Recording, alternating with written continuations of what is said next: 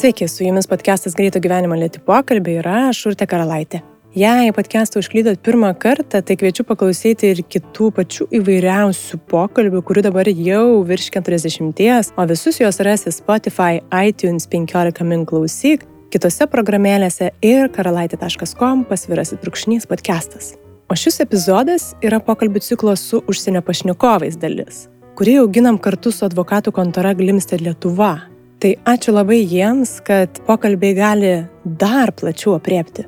Paradoksalu, bet šiandienos užsienio pašnekovas, estų kultūrologas, rašytojas, filosofas Rein Raud, be daugybės kitų kalbų puikiai kalba ir lietuviškai.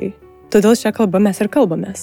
Pokalbį rašėme dar prieš karantiną, kuomet Rein viešėjo Vilniuje ir galėjome patogiai ir kokybiškai pasikalbėti dar tuomet atidarytoje įrašų studijoje. Pokalbį nusprendžiau publikuoti dabar, kai valstybės užsidarė į atskirus savo urvelius, o žmonės į dar kitus. Nes pokalbėje mes būtent mastom apie atsidarimus, kultūrų, tautų, tradicijų natūralų pinimas ir painiojimas šių laikų globalizacijos procesuose.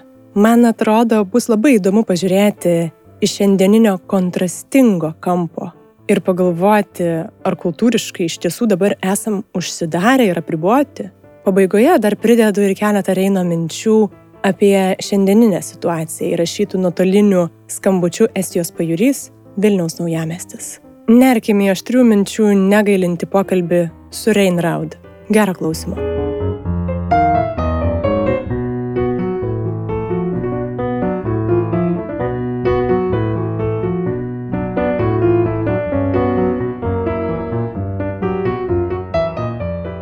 Tai sveiki, Reinai.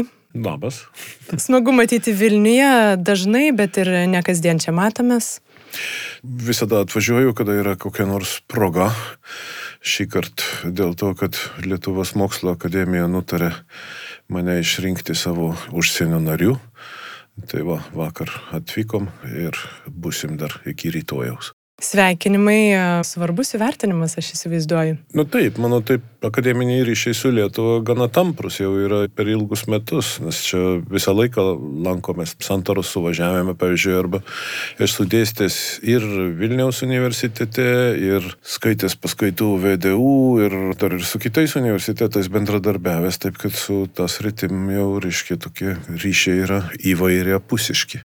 Man įdomu, vienam interviu aš pastebėjau, kad lyg tai ganėtinai kritiškai ir savikritiškai žiūri į patosus apdovanojimus, galybę rolių, geriausias, nežinau, hmm. garsiausias japonologas ir taip toliau, taip toliau.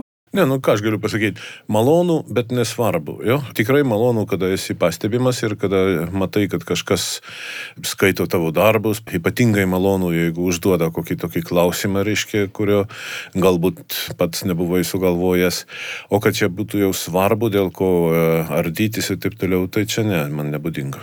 Supratau, tai vad norisi tada keliauti toliau, galvojant apie šiandieninę multikultūrinę mūsų terpę, visą bendrą pasaulinę. Ir man pirmiausiai klausimas kilo, ką mes šiandien iš viso galim vadinti kultūra, mm. jau atsiribojant nuo dailė, menas, mm -hmm. muzika. Čia yra toks klausimas, reiškia, kad kažkada, tai man atrodo, dar praeito šimtmečio 50 kažkokiais metais du antropologai Kroberis ir Klakhonas, reiškia, nutarė peržiūrėti angliakalbę literatūrą, kokios yra definicijos, kokie apibrėžimai, kas ta kultūra yra. Surado ten kelis šimtus, o dar yra juk vokiečių kalba teoretizuojama, prancūzų, rusų, kinų, japonų. Tai reiškia, kad tokio bendro supratimo, ką žodis kultūra reiškia, pas mus e, iš tikrųjų nėra. Tai kiekvienas teoretikas apie kultūrą kalbant, e, turėtų nuo pat pradžios, e, kad būtų visiems aišku pasakyti, ką jisai galvoja, ar jinai, kas ta kultūra yra. Man, mano kultūros teorijoje, atrodo, kad mes galėtume kultūrą pavadinti visus resursus, kuriuos mes kaip žmonių grupė ar bendruomenė turim, su kuo mes įprasminam e, mūsų gyvenamąją terpę. Tas įprasminimas gali būti visai neteisingas objektyviai, jo, arba nemoksliškas, jo. Ir kada, sakysim, e, kažkokia gentis animizmų, reiškia, įprasmina savo terpę, kad miškas, kurie gyvena, yra visiškai gyvas ir su jais kalba ir taip toliau, tai čia yra e, irgi įprasminimas. Ir tai kažkokiu būdu reguliuoja ir nulėmė jų poelgį. O mes įprasminam savo terpę, savo visuomenę ir pačius save, reiškia, jame iš vienos pusės tokiais kaip po tekstais. Žodį tekstas, aš čia vadinu ne kaip literatūrinį arba ten žodžiais parašytą tekstą, bet, bet kas, kur kažkokios fiksuotos reikšmės yra.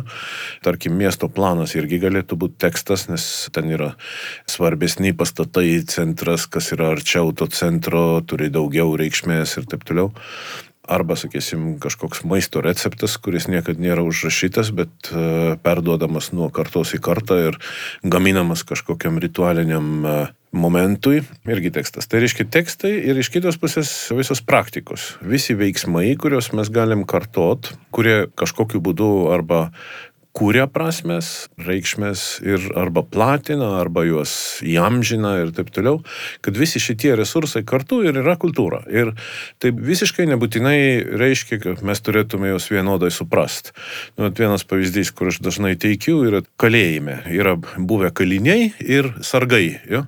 Ir jiems abiems yra suprantami kalėjimo kažkokio poelgio kodai, galbūt kaip skaityti tatuiruotės, kokios ten yra vertybės ir taip toliau, bet kaliniai ir sargai sargai juos supranta visiškai kitaip. Ir taip pat e, gali būti taip, kad mes turim kažkokį bendrą repertuarą tų reikšmių, bet suprantam juos kitaip. Pavyzdžiui, feministinė kritika puola arba kritiškai žiūri į kažkokius ten klasikinius kūrinius dėl to, kad ten yra moters vaizdas visai netoks, kaip iš moteriškos pusės žiūrint atrodo. Tai irgi, nusakysim, čia truputį kaip kalinių ir sargų tokia dichotomija gaunasi ir taip toliau. Tai kultūros laukia visada yra įtampų ir taip turi būti, nes kitaip ta kultūra nesikeičia, nesivysto ir negali atsakyti į klausimus, kurie kyla tada, kada ta terpė, kurį mes įprasminam, pati keičiasi. Tai vad minėjai įtampą ir aš pagalvoju apie tokį konfliktą tam tikrą, kuris galbūt vyksta tarp kultūros, kurią mes perimam mm. ir kurią mes šiandien kūrėm. Mm -hmm. Kaip tu matai tą ir ką mums daryti su ta ankstesnėje? Mm -hmm. Čia yra labai geras klausimas ir e, jis yra sprendžiamas principė kiekvieno individo atskirai. Yra žmonės, kurie galvoja, kad visą laiką taip yra buvę, tai reiškia, taip jau čia yra jau kažkokia vertė savaime ir mums reikia irgi vat, šitą praktiką pratest. O yra kiti, kurie sako, kad nu, čia kažkoks ten didukų išmislas, reiškia, kurio mums jau šiandien nebereikia ir e, galim ir palikti. Ką mums reiškia tradicija ir kaip ta tradicija ir ką iš jo jos išsaugoti ir taip toliau, tai yra nuolat kultūros vystimosi dinamikos svarbus klausimas iš tikrųjų.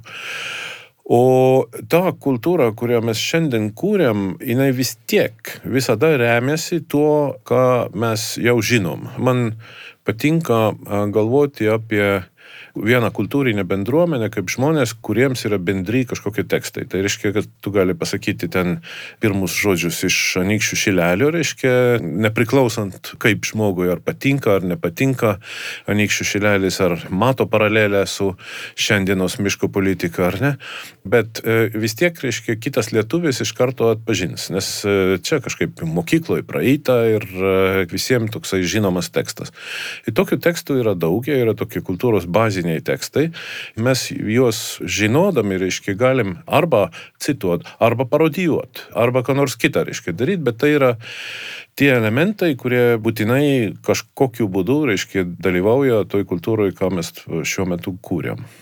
Ir vatmeni dar tą tautinę skirtį, tai čia mm. įdomu, kiek šiandien gali būti stiprus tas kultūrinis tautinis identitetas ir tada vėl žiūrint į tą konfliktą, dėl to tautinio identiteto ir tradicinio išsaugojimo kartais mm. kyla tokių desperatiškų, paranoiškų kabinimusi prie tų senųjų tradicijų. Mm. Ir vat, kokios gali būti pasiekmes, man taip norisi pažiūrėti vat, to desperatiško kabinimusi. Mm. Mes negalim pasakyti turbūt, kad vat, ankstesnioji kultūra yra vertinga, dabar nebe, arba taip, priešingai. Taip, taip. Bet kaip tokia desperacija mm. į vieną arba į kitą tik tai.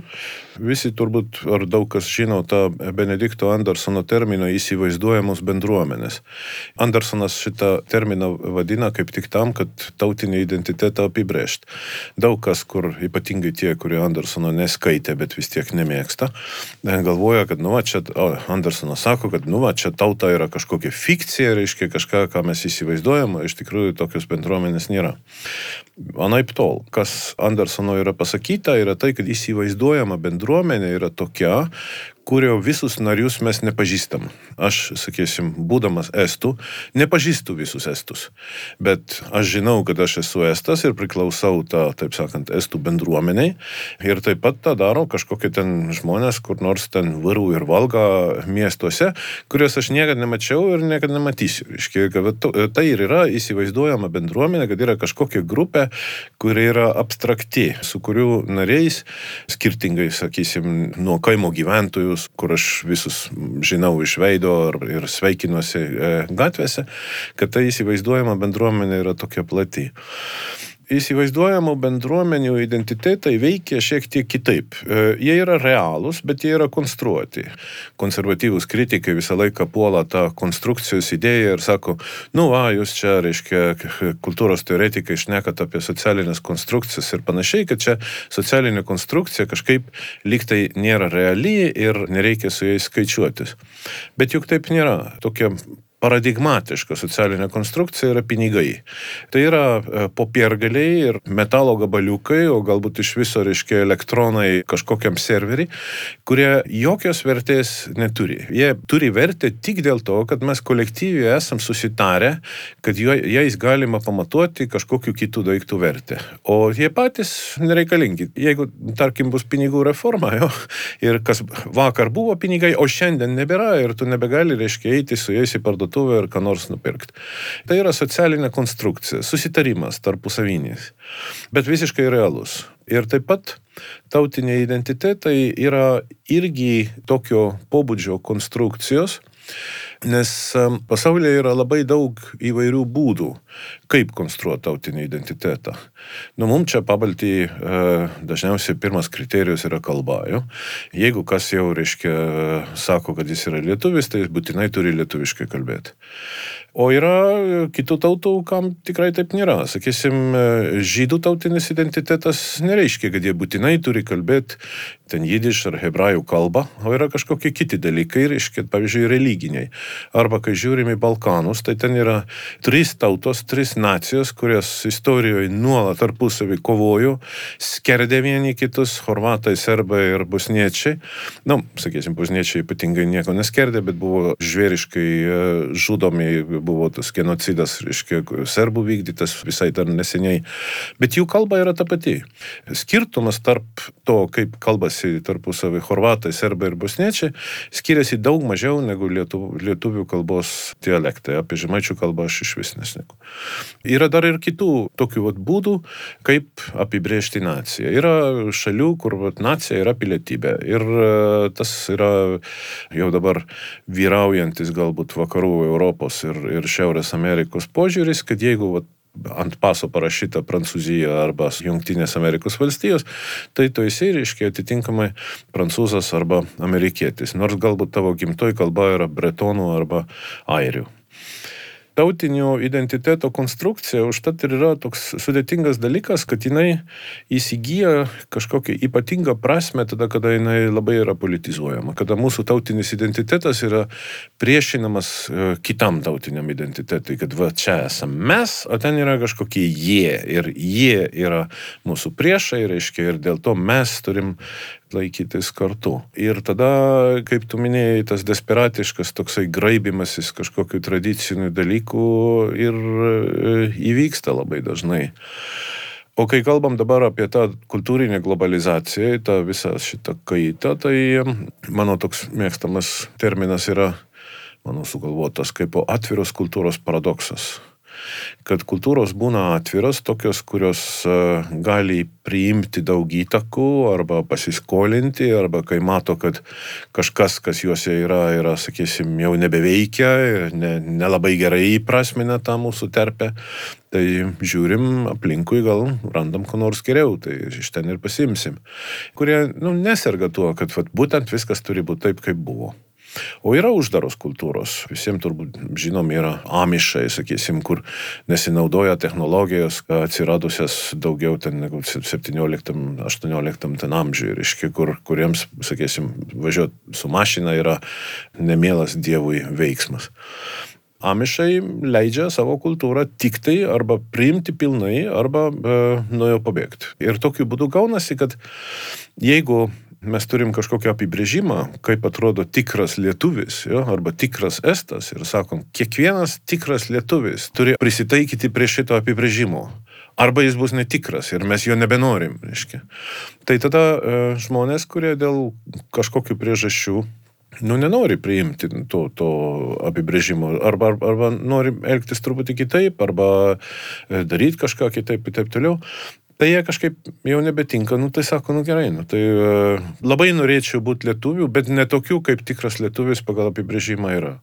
Ir užtat, nu, labai gaila, bet negalėsi būti lietuviu iš viso. Jo? Tai tokiu būdu uždaros kultūros, tokios globalizacijos procese nyksta. Nes bet kada yra taip, kad uždara kultūra kažkokiu momentu nebegali duoti atsakymus į klausimus, kuriuos mm, žmonės normaliai savo kelia. Ir, ir kadangi jie turi arba priimti šimtą procentų, arba nepriimti iš viso, nu, nieko nebelieka.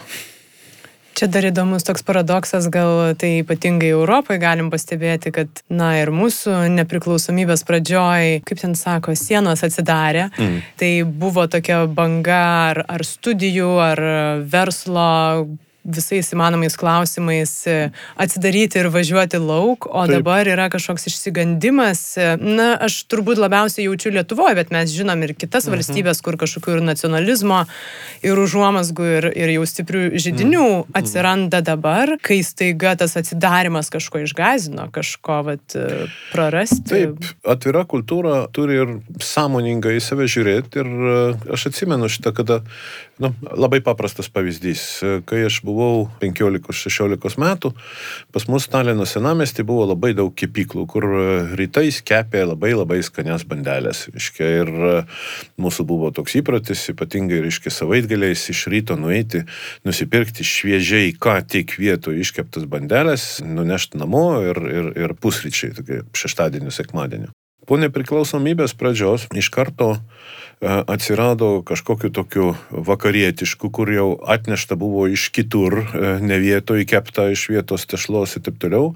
Ir visiems buvo labai įdomu ir visi galvo, nu čia mūsų tas senas, reiškia, senos tos bandelės, čia kažkaip jie sovietizmų kvepia, reiškia, o čia naujos kapitalistinės bandelės, valgysim tuos. Ir daug kas iš tų senų kepyklų ėjo tiesiog į bankrotą, reiškia, užsidarė ir e, dabar ten suvenyrus pardavinėja. Tokiu būdu vyksta kultūros erozija. Taip kaip upės vanduo gali nunešti iš kranto smėlį ir taip toliau, tai tokia pati erozija gali vykti ir kultūroje, kada įprasti dalykai, mes galvojam, kad jie kaip visada buvo ir galbūt ir liks visada, jie dinksta, nes žmonės nuo jų nusisuka ir e, nori kažko kitko ir erozija e, kelia baimę Nes kažkokiu momentu pradedi žiūrėti, kad palaukit, palaukit, šito nebėra, šito nebėra, šita tradicija nutrukusi, kaip čia dabar bus, reiškia, čia tuo iš viso, reiškia, nieko nebeliks. Kad reikia kažkaip e, imtis ginklų, reikia uždrausti, reikia užsidaryti, reikia apsiriboti nuo, nuo viso to svetimo ir taip toliau. Dažnai tokie procesai vyksta bangomis. Aš esu čia stebėjęs istoriškai ir iš kitose šalyse ir beveik visada yra taip, kad e, kada šalis yra ar ar kultūra yra uždariusi per ilgą laiką, e, sąlygos pasikeičia, kontekstas pasikeičia, kultūra atsidaro, Ir yra toks entuzijazmo periodas. Visko norisi. Kitko, svetimo, ko nebuvo ir taip toliau. Dažnai tai yra dar surišta su tuo, kad politinė valdžia keičiasi ir politinė sistema kažkokiu būdu keičiasi. Atsiranda labai daug partijų, naujų ideologijų, naujų teorijų, visko labai daug. Žmonės nebesiorientuoja gerai. Ir paskui toks šuolis atgal, reiškia, sako, mums čia per sudėtinga, viso šito yra per daug, mes norim, kad būtų paprasčiau, kad būtų mažiau mažiau visokių tų variantų. Ir dažniausiai po šitos reakcijos ateina sintezė, reiškia, e, yra randamas kažkoks toks pusiausvyros taškas, e, kur tas, kas naujo ir tas, kas tradiciško gyvuoja kartu. Nu, galim, pavyzdžiui, pasiimti Japoniją, kur 1868 metais buvo toks perversmas, reiškia, karinio diktatoriaus šioguno valdžia e, baigėsi, imperatoriui gražino liktai teisę valdyti šalim. Nu, Japonija buvo užsidariusi ten kelius šimtmečius. Labai daug visokių naujovių, iš vakarų visko atnešė. Po kiek laiko kaip tik tas toks nacionalizmas, kuris e, gana liūdnai baigėsi, reiškia, ten buvo karinė diktatūra, Japonijoje ten antram pasauliniam kare e, labai negražiai elgėsi, buvo karo nusikaltimų, e, kolonialinės politikos ir viso šito. Bet po to atsirado sintezė, kuri yra tokia, kad ir japoniška, ir vakarietiška tuo pačiu metu. Ir tai yra ta Japonija, kur mes dabar matom, pokario Japonija, kur irgi turi, aišku, savo problemas, bet kokia visuomenė jų neturėtų, bet e, kuri sėkmingai yra subalansavusi ir paskolintus elementus ir e, tai, kas savo tradiciškai. Japonija tikrai įdomus pavyzdys, nes ten galima turbūt pastebėti tam tikrus kraštutinumus, kad ten yra tos senosios tradicijos ypatingai vis dar gyvos kai kur tuo pačiu naujosios ar vakarietiškos ir mados yra irgi kitam kraštutinume. Taip, mes kitam. šiandien čia, mm. pavyzdžiui, Lietuvoje nelabai to turim. Mm -hmm. Mes taip Nes, viduriukė. Jau, bet uh, Japonija yra ir labai didelė šalis ir ten uh, iš tikrųjų yra kažkokia prasme keista, nes japonų mentalitetas yra daugiau grupinis ir kažkaip atrodo, kad tokio individualizmo, tokio išsišokimo, iššaukiančio poelgio kažkaip nelauktum, bet vis tiek jo, jo yra ir nemažai.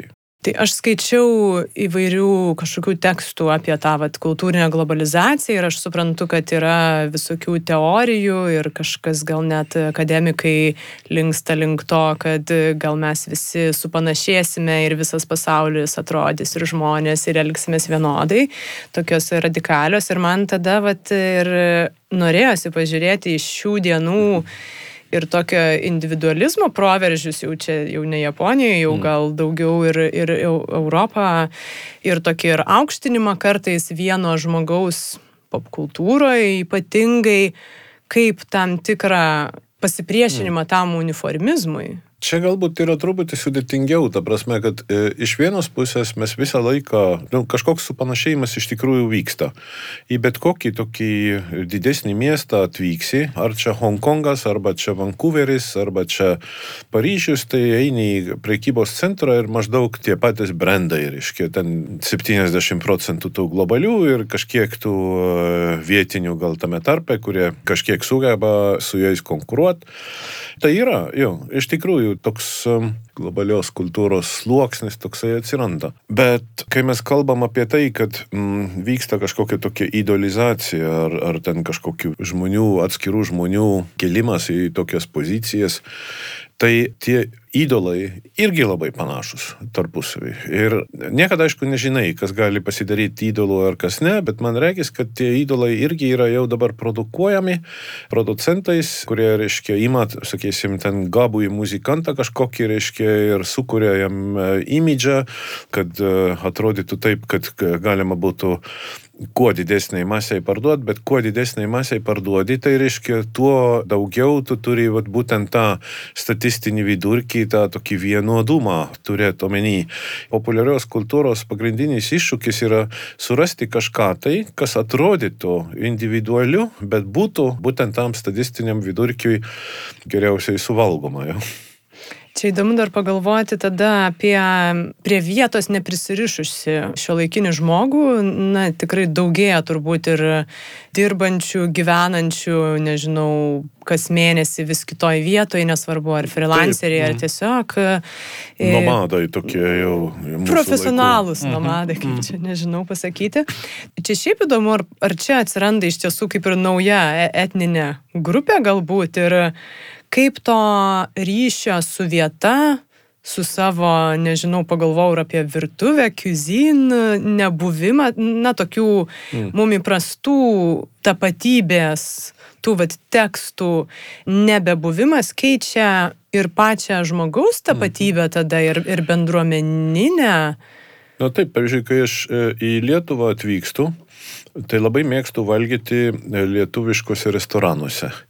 Dauguma žmonių, kur aš ten matau, yra turistai. Nori susitikti su kokiu lietuviu ir sakai, kur eiti, tai e, jie tai tikrai nesiūlo lietuvišką restoraną. Taip ir gaunasi, reiškia, kad ta e, lietuviška virtuvė arba estiška Estijoje e, yra pasidariusi e, toks turistinis produktas, kuris e, jau kaip po Lietuvoje gal mažiau to yra, nes lietuviai vis tik tai mėgsta cepelinų ir savo tuos tradicinius tokius valgius. Bet um, Estijoje ta estiška virtuvė mes šiaip valgom tik tai per kalėdas, nes kitais laikais nu, tiesiog kitkas skaniau yra.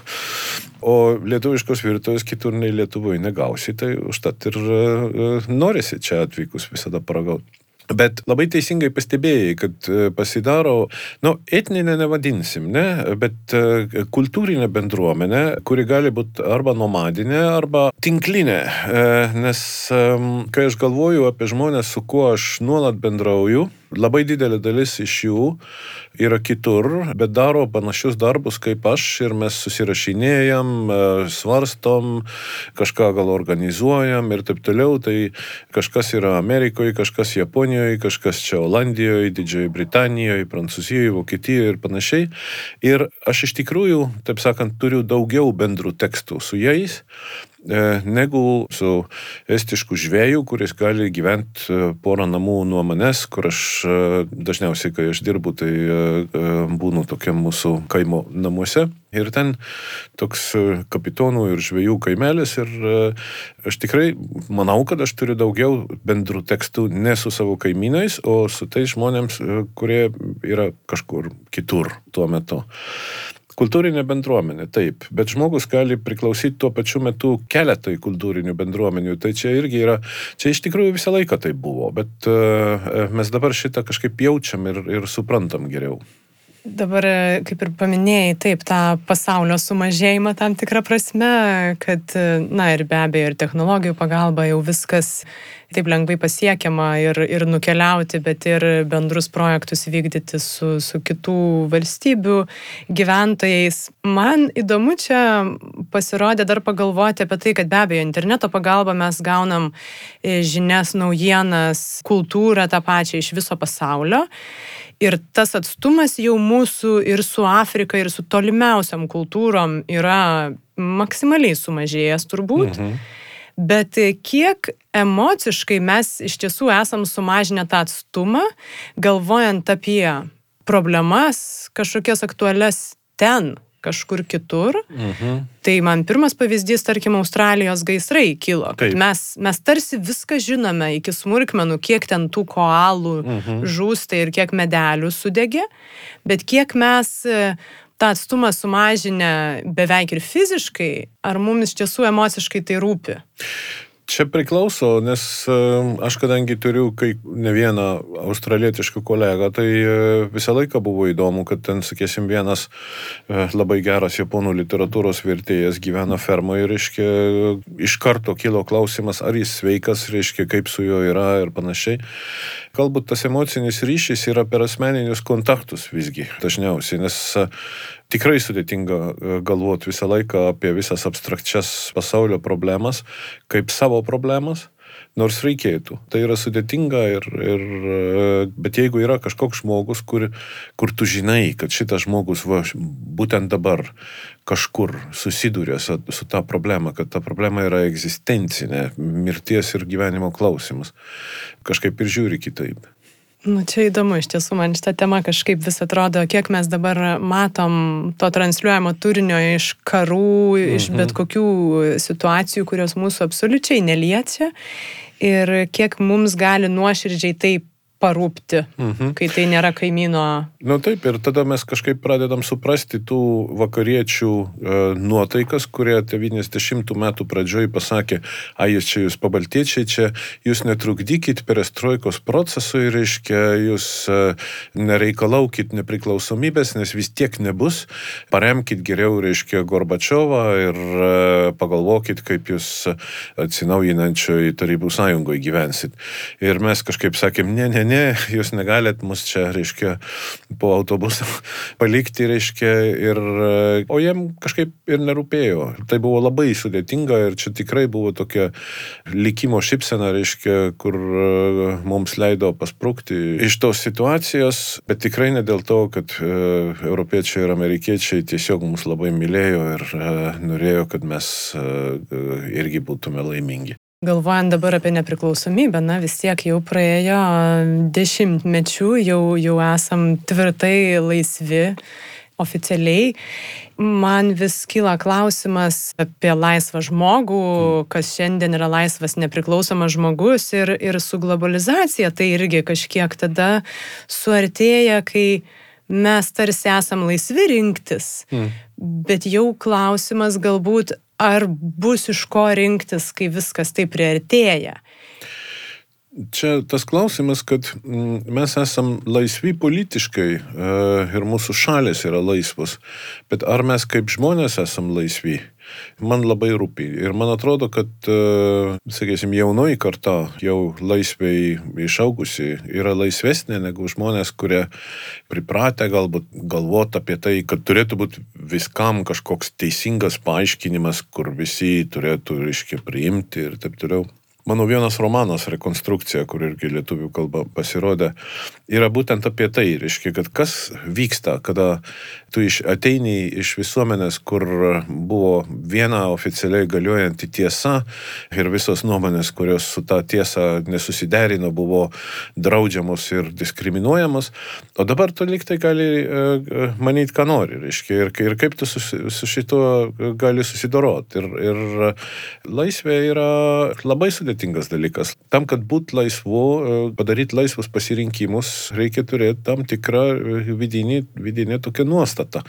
Ir mums atrodė iki nepriklausomybės, kad va, mes viduje esame laisvi, bet politiškai suvaržyti. O kai politiško suvaržymo nebebuvo, Tai pasirodė, kad visiškai ne visi iš mūsų viduje laisvi ir galėtų, reiškia, tą laisvę naudotis. Ir e, aš įtariu, kad tie, kurie dabar balsuoja už e, populistinės arba ultradešinėsias tokias partijas, yra kaip tik tie žmonės, kurie tos savo vidinės laisvės kaip ir ne, nesurado ir, ir norėtų, kad būtų kažkoks Führeris, reiškia, kur pasakytų, kaip iš tikrųjų yra. Taip lengviau yra. Taip yra lengviau, žinoma, ir e, nereikia atsakomybės ir, ir svarbiausia yra tai, kad kiekvienas žmogus turi savo gyvenime padaryti pasirinkimus, e, nuo tų pasirinkimų priklauso, ar po to bus geriau ar blogiau, ir jis negali žinoti, jis tikrai negali žinoti, reiškia, koks pasirinkimas visada yra geras. Galima padaryti pasirinkimus pagal principus, mano yra tokie principai, sakysim, etiški principai, aš ilgiuosi pagal juos. Ir net jeigu man dėl to bus blogiau, man vis tiek yra ramiau ir man yra vis tiek geriau, todėl kad aš pasielgiau pagal savo etinius principus. O yra žmonių, kurie e, galvoja, kad e, ne, nu, ta prasme, svarbu yra vis tik tai tas rezultatas, ta e, galutinė padėtis. O jeigu aš dabar padarysiu neteisingą pasirinkimą ir paskiau man bus blogiau dėl to, Tai aš liktai atsakingas už tai, kad man blogai. Ne, ne, ne. Geriau reiškia, jeigu kažkas kitas yra tas, kam aš galiu deleguoti atsakomybę, o aš palieku savo labai patogią poziciją, kad aš galiu, reiškia, zysti, kritikuoti, e, sakyti, kad viskas yra blogai, e, kad yra kažkokios problemos. Neduok Dieve, mes tas problemas išspręsim, nes aš nebeturėsiu dėl ko zysti. Tokiu būdu e, aš surasiu savo tokią vat, komfortinę zoną tam zyzime, amžinam nepasitenkintume ir uh, užtenka kaip visiems laikams. Ir šiaip objektyviai gal aš gyvenu ir geriau, negu aš būčiau gyvenęs ten kitom sąlygom ir taip toliau, bet aš vis tiek zysiu, nes man tai patinka. Bet čia dar galima pagalvoti ir apie na, atsakomybę už savo kažkokias tai klaidas, pralaimėjimus. Žmogui šiaip sunku yra Gal to apsisaugojimas yra? Nėra lengva. Ir visą laiką, reiškia, norisi kaltinti kažką kitą. Reiškia, kad jeigu, tarkim, pradėjau biznį, viskas liktai ėjo pradžioj gerai, idėja liktai nebloga, ar bent jau man atrodo, kad nebloga. Nu, bet e, patyriau, tarkim, bankrotą, e, nieko nebeturiu, turiu dar skolas išmokėti ir panašiai. Negi čia aš kaltas. Ne, ne, ne, čia bankai, čia tie idiotai klientai, kurie nesuprato, kad reikia mano produktą pirkti. Ir visi kiti, arba vyriausybė, kad mažai paramos verslininkams duoda, ar, ar, ar dar kažkas tai, bet niekada ne aš. Nes žmogui egzistencialiai yra labai sudėtinga prisipažinti, kad jo nelaimės yra iš dalies, iš didelės dalies jo paties sukurtos. Dar galvojant apie socialinių skaitmeninių medijų erą, kai atsakomybę už savo žodžius ir veiksmus galima irgi sakyti turbūt vis lengviau jos neprisimti. Taip. Kai tai yra taip truputį palaida ten kažkur tai skaitmeniniuose pasauliuose kaip bendrai tuomet e, keičiasi ir, ir tas santykis su atsakomybė viešai prieš kitus. Tai čia truputį galvojant gal ir apie politiką, apie viešą nuomonę, jau ne apie savo kažkokį asmeninį gyvenimą, kad mm. yra lengviau neprisimti atsakomybės, yra lengviau paleisti kažkokią informaciją, kuri nebūtinai patikrinta, nebūtinai, na, populizme mm -hmm, tam -hmm. pačiam. Su atsakomybė iš viso dabar yra blogai, todėl kad tos socialinės institucijos, kur pas mus yra, nu ką reiškia, pavyzdžiui, ministras, kada ateina į spaudos konferenciją ir sako, nu va, kažkokie tokie ten nelaukti procesai įvyko ir aš prisiemu atsakomybę, sako, nu gerai, o kas toliau? Jeigu tu prisėmė atsakomybę, tai prašom pasitraukti, jo, e, nes čia tavo nutarimai, kurie e, sukuria tą padėtį. Bet sako, ne, ne, ne, aš prisėmu atsakomybę ir čia yra grinai frazė, reiškia, kad čia mes liktai turim būti patenkinti tuo. O e, tikros atsakomybės e, mes matom labai mažai. Žmogus, kuris prisima atsakomybę, tai negalėtų turėti būti vien frazę. Ir nu, socialinėse medijose ypatingai, reiškia, galima labai neatsakingai elgtis, nes atsakomybė yra kaip po laisvės monetos kita pusė. E, laisvės be atsakomybės kažkaip ir negali būti. Tai, kad, kad, kad aš galiu kokiam Facebook'e komentuoti ten uh, ir ministrus, ir prezidentus, ir ką tik noriu, reiškia, visokiais žodžiais uh, vadinti ir taip toliau, man nuo to nieko nebūna. Tai jausmas, kad atsakomybės nėra, principė, išima iš manęs ir tą sugebėjimą būti laisvu. Ne? E, laisvu ta tikra to žodžio prasme, reiškia, kad aš esu laisvas savo pasirinkimuose ir atsakingas už savo veiksmus. Čia gali atsirasti tokių, kurie sakys, bet tai žodžio laisvė. Žodžio laisvė e, yra labai svarbus dalykas ir aš manau, kad e, tai yra vienas iš, iš demokratinės visuomenės tokių pamatinių vertybių. Bet kaip kiekviena laisvė, tai turi būti ir kažku, su kažkokiu atsakomybė. Aš nenoriu uždrausti žmonėms e, išreikšti e, idiotiškiausias nuomonės. Didesnė problema yra tame, kad, pavyzdžiui, kada spauda sako, kad, nu, vat, pas mus turi būti balans, subalansuota viskas, reiškia, ir kad mes, kad visos nuomonės turi būti lygiaverčiai e, pristatytos publikai e, svarstyti. Principė aš ir su, su šituo sutinku. Bet kai mes kalbam apie visokias nuomonės, tai mes nekalbam apie informuotas nuomonės ir tokias idiotiškas nuomonės. Kai kažkas, sakysim, ateina ir sako, kad, na, va, šitas projektas yra teisingas, aš esu už jį, kitas ateina, kad aš esu prieš jį, tai abu turėtų pateikti argumentus. Mes, pavyzdžiui, nemanom, kad medicina turėtų būti tiek pat subalansuota, kad iš vienos pusės pas mus čia yra ligoninės, o kitoj pusėje yra šamanai, kad jie irgi, reiškia, turėtų tokią pačią poziciją. Ir taip pat reikia e, subalansuoti nuomonės, kurios yra e, lygiai informuotos. Jo? Ir e, man atrodo, kad šiuo laiku spauda labai neteisingai elgesi, galvojant, kad visos nuomonės yra lygios. Žmonės yra lygus ir jų teisė išreikšti savo nuomonės yra kiekvieno tokia pati, bet nuomonės nėra lygios savo informuotumo lygiu. Jo? Ir vertė. Vertė labai abstraktų pasakyti, reiškia, kad sako, nu, čia mano nuomonė, man jinai yra vertinga ir taip toliau, bet tiesiog to, kad, nu, jeigu aš noriu susižinoti, kaip išgydyti žmogų nuo gripo, reiškia, tai aš kreipiuosi pas gydytoją, kuris šitą dalyką studijavo ilgus metus universitete, ne pas kaimyną, reiškia, kur sako, na, nu, e, pradėk nuo to, kad kiekvieną dieną išgeri savo myžalo, reiškia, ir e, visos lygos dinks e, savaime. Nors yra ir tokių žmonių, kurie rimtai tuo tiki. Apie deepfake dar noriu mhm. truputį, mm -hmm. ne, neįsivaizduoju, kaip tai lietuviškai skambėtų ir nenoriu gal kol kas įsivaizduoti. Tai aš tokią įdomią gal visai frazę perskaičiau, aš ją ir pacituosiu čia. In the world where fakes are easy to create, authenticity becomes easier to deny.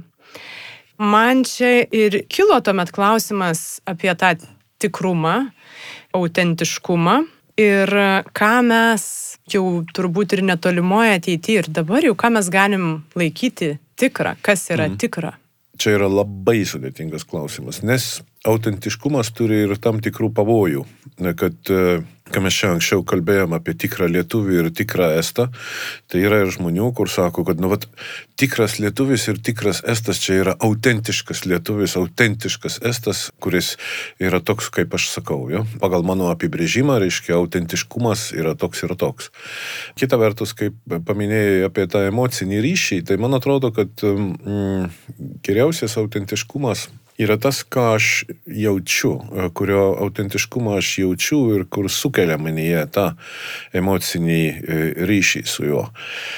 Čia yra sudėtingas atsakymas dėl to, e, kad žmonės yra įvairūs ir e, kai kam galbūt tiesiog nėra intuityvaus atpažinimo, reiškia, to autentiškumo ar dar kažką tai, o gal kai kam galbūt autentiška atrodo būtent tai, kas gali būti e, sufalsifikuota. Kai kalbam apie tuos feikus ir apie tai, kad viską galima sukurti ir, ir viską galima simuliuoti, ne? tai yra daug tokių žmonių, kur sako, kad autentiškumo tikrai jau nebeliko, e, kad jo nebėra, kad viskas yra kažkokia prasme simulacija. Bet čia yra e, irgi toks emocinis e, atsakymas iš tikrųjų, nes e, aš galbūt jaučiu kažkokį autentiškumą, jie galbūt ne. Ir, bet tai yra labai sudėtinga situacija. Čia galbūt autentiškumas yra net ne pagrindinė prieš priešą, o pagrindinė prieš priešą yra galbūt su pasitikėjimu. Kad jeigu visą informaciją galima suklastot, bet ką galima simuliuoti, tai aš nebepasitikiu. Bet ką, kas man kažkas sako, sako, e, tai aš galvoju, aha, nu jis man nori parduoti savo produktą. Jo produktas yra autentiškumas, jis nori man savo autentiškumą parduoti. Ir iš karto aš e, prarandu tą pasitikėjimą. Ir, ir kas lieka, reiškia, čia nori autentiškai gyventi, tai persikelk į kaimą, išjung internetą, atnešk iš šulinio vandens, reiškia, ir, ir išvirk savo arbatos žolelių, kur surinkai miške. Ir e, apie tokius žmonės mes irgi susižinom dėl to, kad yra kažkoks kažkoks websaitas, kuris sako, kad va ten yra va, tokie žmonės, kurie va taip daro. Ne? Kai jie jau taip daro, jau, jeigu jau, jau tas saitas yra, tai jie liktai nebeautentiški. Ne?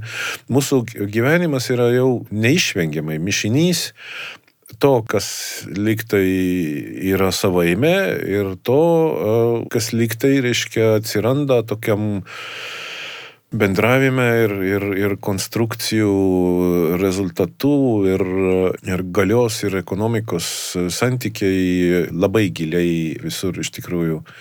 Vieno kažkokio tokio atsakymo nėra. Tai aš manau, kad aš labai norėčiau, kad kiekvienas žmogus turėtų kuo pasitikėti ir kaip po informacijos kanalais ir žmonėm, reiškia, aplink savęs ir kad galima būtų pasitikėti savo intuiciją pirmą eilę.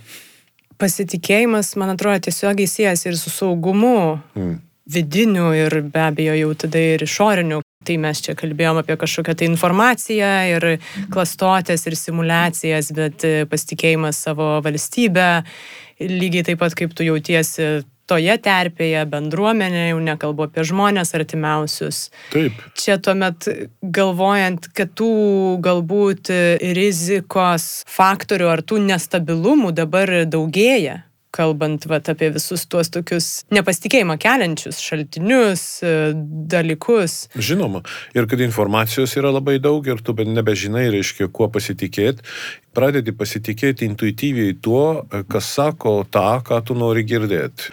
Žmonės juk dalina dažniausiai feikus, e, nežinodami, kad jie feikai, dėl to, kad jiems arba tai yra baisu, arba tai yra kažkokia ten nuomonė e, ar, ar liktai argumentas už tai, ką jie patys tiki. Tie feikai tiesiog piknaudžiauja e, jų pasitikėjimu iš tikrųjų. Gerai, bet tai mes vis tiek gyvenam su visom šitom rizikom. E, atsiriboti, išvažiuoti į mišką galima, ne visi tą renkasi ir ne visiems to reikia, bet kas tada gali mum patiem padėti pasitikėjimą kurti hmm. ir aplink save, ir kitam, ir rasti jį irgi. Man labai patinka čia e, Jean-François Lyotaro mintis. Jis pasakė, reiškia, nenorėkit, kad būtų paprasta. Paprasta jau buvo. Ir tikrai, mes gyvenam tokioje situacijoje, kur nuo mūsų pasirinkimo gali priklausyti labai daug. Padaryti tuos pasirinkimus yra labai sudėtinga, e, bet nenorėkit, kad būtų paprasta. Pagrindinis dalykas, kur visą laiką reikia sakyti, yra tai, kad e, nebereikalo visą laiką keliasi šitų metų kiekis, kur žmonės privalomai leidžia mokykloje. Kad čia jau nebe 3 ir nebe 8 e, ir taip toliau. Ir tam, kad susitvarkyti ugdyti e, savo visuomeniai, reikia tiesiog mokytis. Pasitikėti reikia ekspertais, reiškia e, žmonėm, kurie mokėsi, o ne tais, kurie e, sako tuos paprastus e, atsakymus. Yra ta žinoma Menkeno frazė, kad į kiekvieną e, sudėtingą klausimą būtinai yra atsakymas, kuris yra aiškus, paprastas ir neteisingas. Tai negali būti turbūt geresnės natos pabaigti mūsų pokalbį. Ačiū Reinai už pasvarstymus. Ačiū, kad kvietėjai. Ir e, tai turbūt visiems palinkėsiu tuomet e, nebijoti tų sudėtingesnių, nes e, paprastai jau buvo. Ruoždama pokalbį ir galvodama apie susipynusias ir greitai besikeičiančias šių dienų aktualijas, nusprendžiau dar skamtelti Reinui karantino metu ir pridėti jo išvalgų apie šiandieninę situaciją.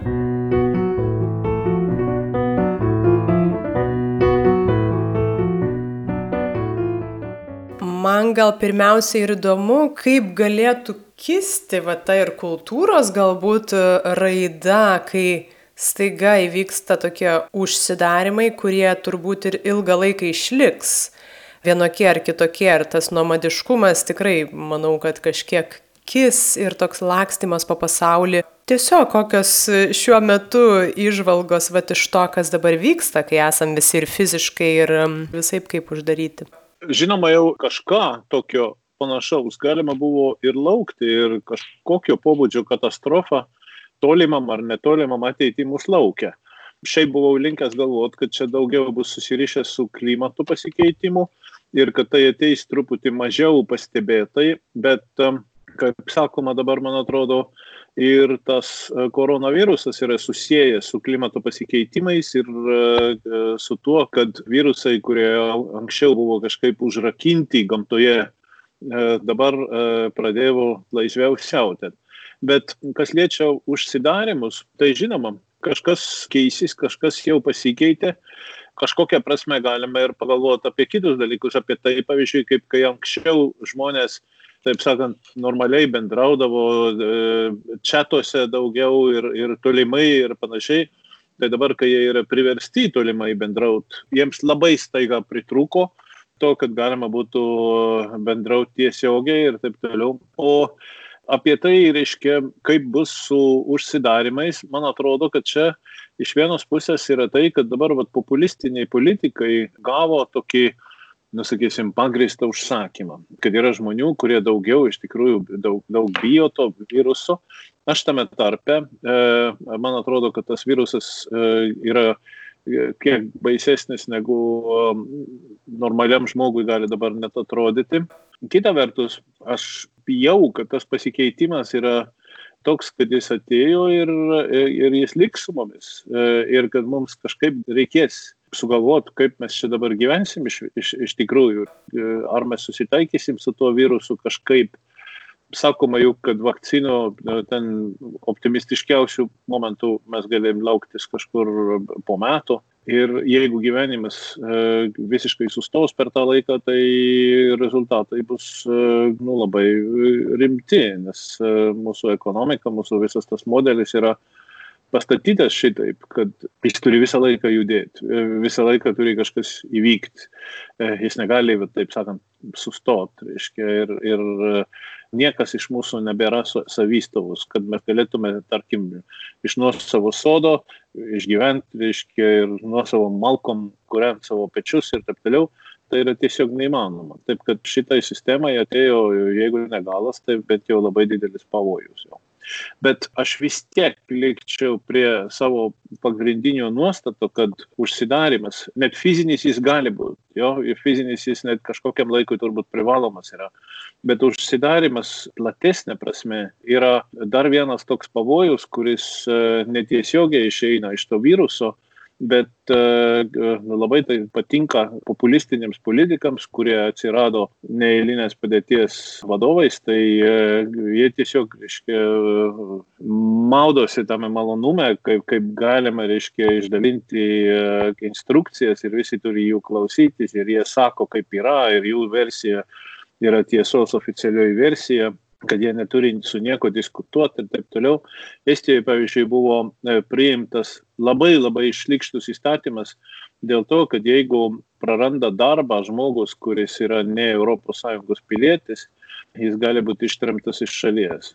Ksenofobiniai populistai tam, kad uh, išvaryti iš šalies pavyzdžiui, ukrainiečius arba uh, dar iš kitų šalių atvažiavusius žmonės, kurie čia dirba ir e, padeda mūsų ekonomikai. Nu, ta prasme, čia nėra taip, kad jie ateitų ir paimtų savo kažkokius darbus, kuriuos estai tiesiog, reiškia, eiliai laukia, kad e, jiems leistų daryti. E, jie buvo vis tik tai atvažiavę ir užpildė tam tikras tokias, tokias lagūnas ar tokias, nu, kaip po tuščias vietas mūsų to, toj darbo rinkoje.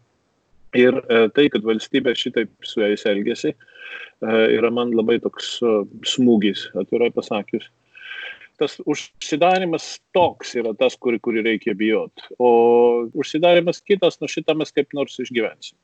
Ne, tai aš sutinku, kad e, pabuvimas namie ar vienumoje tikrai mūsų nenustekens, kažką išmoksime iš to, bet va tą užsidarimą galvojant ir apie savo akiračių plėtimus ir tai, kaip mes buvom įpratę judėti, vartoti ir gerąją prasme kažkokias kitas kultūras, mes to netenkame ir ilgoje perspektyvoje galbūt tai staiga nesugrįž, dar ką ir mini, kažkokie tai truputį ir tarp, tarp valstybiniai ir tarp rasiniai susipriešinimai pusiau samoningai vyksta. Tai įdomu, kaip tas ir mentalinis tam tikra prasme užsidarimas, jisai galėtų veikti mūsų ir kaip visuomenės. Aš nes, net nesakyčiau, nes, e, pavyzdžiui, per visą šitą periodą galima buvo žiūrėti Metropolitan operos spektaklius, daug kur uh, dailės muziejai yra įkūrę savo virtualinės platformas, labai tarp kitko New York Times gyrė Talino e, dailės muziejaus platforma sako, kad čia iš viso vienas iš geriausių, nu, bet čia, kad čia stebėtis, taip sakant, jeigu e, tokia IT šalis, reiškia. Ir e, antras dalykas yra tai, kad tas užsidarimas namuose leidžia, sakysim, perskaityti storus romanus, kurius anksčiau per tą gyvenimo ritmą mes tiesiog neturėjom laiko. Taip kad užsidarimas gali būti fizinis, bet visiškai iš to nesiseka, kad, kad jis turi būti ir dvasinis. Taip, čia tikrai sutinku, dar įdomu tada pagalvoti, na visgi, va ir tą komfortą likti namuose ir paskaityti tuos romanus, kurių nespėjom, turi ne visi, galvojant ir apie socialinės grupės ir žmonės, kurie privalo dabar dirbti ir galvojant, Galbūt, kad krizė tokia ir ekonominė tą neligybę visuomeniai tik tai gilins ir kaip ilgoji perspektyvoje tai gali veikti mūsų ir tarpusavio kultūrą kažkokią ir, ir, ir santyki. Tokia galimybė be abejo yra, bet e, yra ir kitokia galimybė, kad, pavyzdžiui, daug kas iš socialinių kritikų įvairiuose šalyse jau pastebėjo, kad žmonės, kuriuos mes vadinam dabar iš vienos pusės esencialiaisiais, reiškia tais pačiais reikalingiausiais, kažkokiose šalyse yra didelė dalim iš viso ilegalai. Jie daro darbus sakysim, ten dirba krovikai iš supermarketuose ir dar kažkur tai, kur e, vietos e, žmonės nelabai nori kažkokia prasme tai galbūt ir bent jau dalies žmonių žvilgsniai pakryps link uh, tos problemos, kad kaip tai yra, kad būtent tie žmonės, kurie yra reikalingiausiai tam, kad, kad visuomenė galėtų veikti, yra mažiausiai kažkaip įvertinami ir, ir kartais iš viso net diskriminuojami. Taip, dėl šito tikrai sutinku. Mini romanus, bet gal kažkas e, jau vat, e, šio mėnesio bėgyje, jau, jau antras mėnuo eina. Ko tau atnešė gero šitą krizę? Nu, e, aš čia jau esu beveik prie pabaigos, kur rašau didelę akademinę knygą, kur aš galvojau, kad bent jau metai dar truks, bet jau, sakyčiau, pavasario bėgyje tikiuosi pirmą versiją rankraščio kažkaip užbaigti. Taip kad man tiesiog, reiškia, atnešė darbo ramybės. Aš esu iš tikrųjų laimingas tuo, kad aš galiu, kai noriu, kiekvieną dieną eiti į mišką pasivaikščioti, nes tai yra čia šalimais, reiškia, ir, ir neturiu tų pavojų ir suprantu, kad čia labai tokia privilegijuota padėtis. Tai e, stengiuosi ir išnaudoti, taip sakant, visų labui.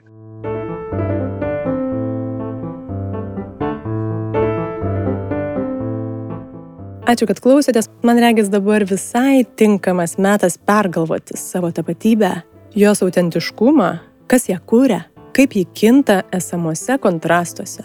O gal vis dėlto skaitmeninių terpių dėka fizinės sienos jau seniai nebesvarbios?